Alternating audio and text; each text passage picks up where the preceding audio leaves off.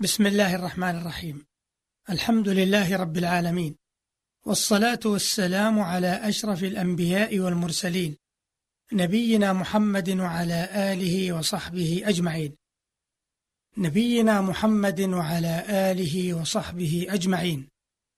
معاشر المستمعين الكرام سلام الله عليكم ورحمته وبركاته. أما بعد فقد كان الحديث في الحلقة الماضية يدور حول بعض المسائل في اللهجات العربية حيث كان الحديث جوابا عن تساؤل العلماء عن العربية التي نزل بها القرآن ووصلنا بها الشعر الجاهلي وكتب بها تراثنا الإسلامي. هل كانت قبائل العرب جميعا تتكلم بها أو هي لغة قريش وحدها سادت بعد الإسلام ونزول القرآن بها؟ كما دار الحديث في الحلقة الماضية عن معنى اللهجة وعن انقسام اللهجات والعلاقة بينها. والحديث في هذه الحلقة إكمال لما مضى حيث سيدور في مسائل في اللهجات وتلك المسائل هي أسباب حدوث اللهجات واللهجة الخاصة واللغة المشتركة ولماذا ندرس اللهجات؟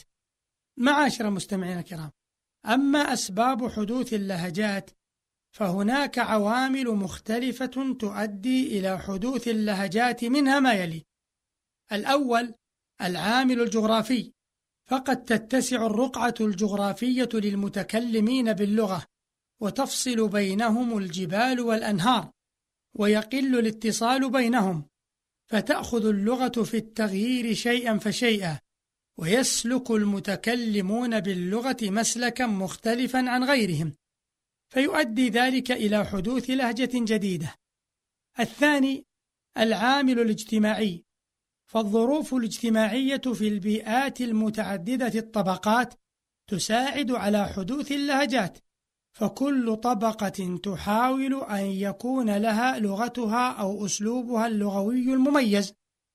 ثالثا من أسباب حدوث اللهجات العامل السياسي فانفصال قبيلة أو دولة عن غيرها واعتناق المذاهب السياسية أو الدخول في الديانات الجديدة يساعد على دخول ألفاظ أو اصطلاحات جديدة في اللغة.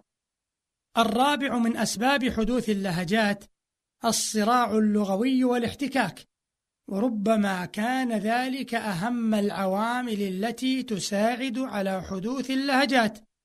فالصراع بين لغتين يؤدي إلى انتصار إحداها على الأخرى طبقا لقوانين لغوية.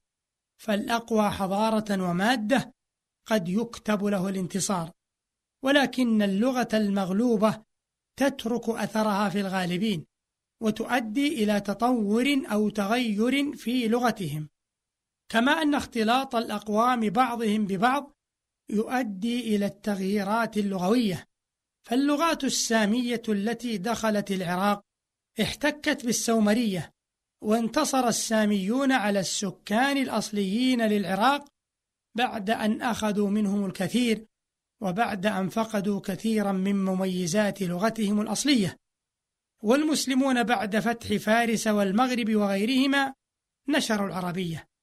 ولكن هناك لهجات خاصة نشأت في تلك البلاد نتيجة الاحتكاك بين الفاتحين وسكان البلاد الأصليين.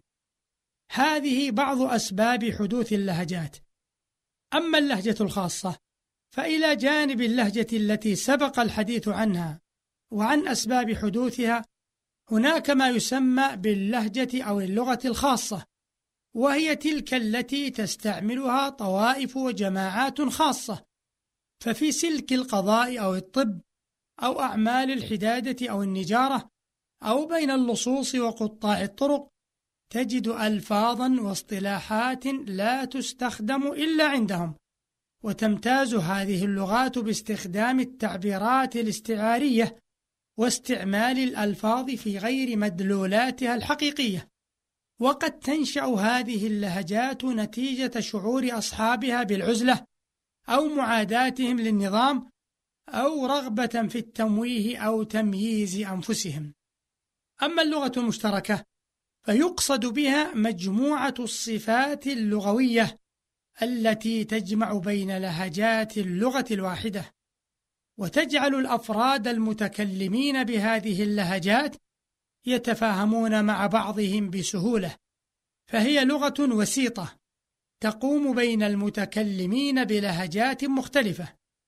وتتميز اللغة المشتركة إضافة إلى أنها مفهومة لدى جميع المتكلمين بها أو سامعيها أنها فوق مستوى العامة وأنها لا تنتمي إلى بيئة واحدة وإنما هي مزيج بين اللغات أو اللهجات المختلفة معاشر مستمعين الكرام لسائل أن يقول لماذا ندرس اللهجات؟ والجواب عن ذلك أن اللهجة ظاهرة لغوية موجودة في كل بيئة وفي كل عصر. ودراسة اللهجة ليست دعوة إلى نصرة اللهجات والعاميات ولكن دراسة اللهجات العربية لها مسوغات وينتج عنها فوائد منها. أولا أنها تفيد في تفسير بعض قضايا العربية ومفرداتها ودلالاتها.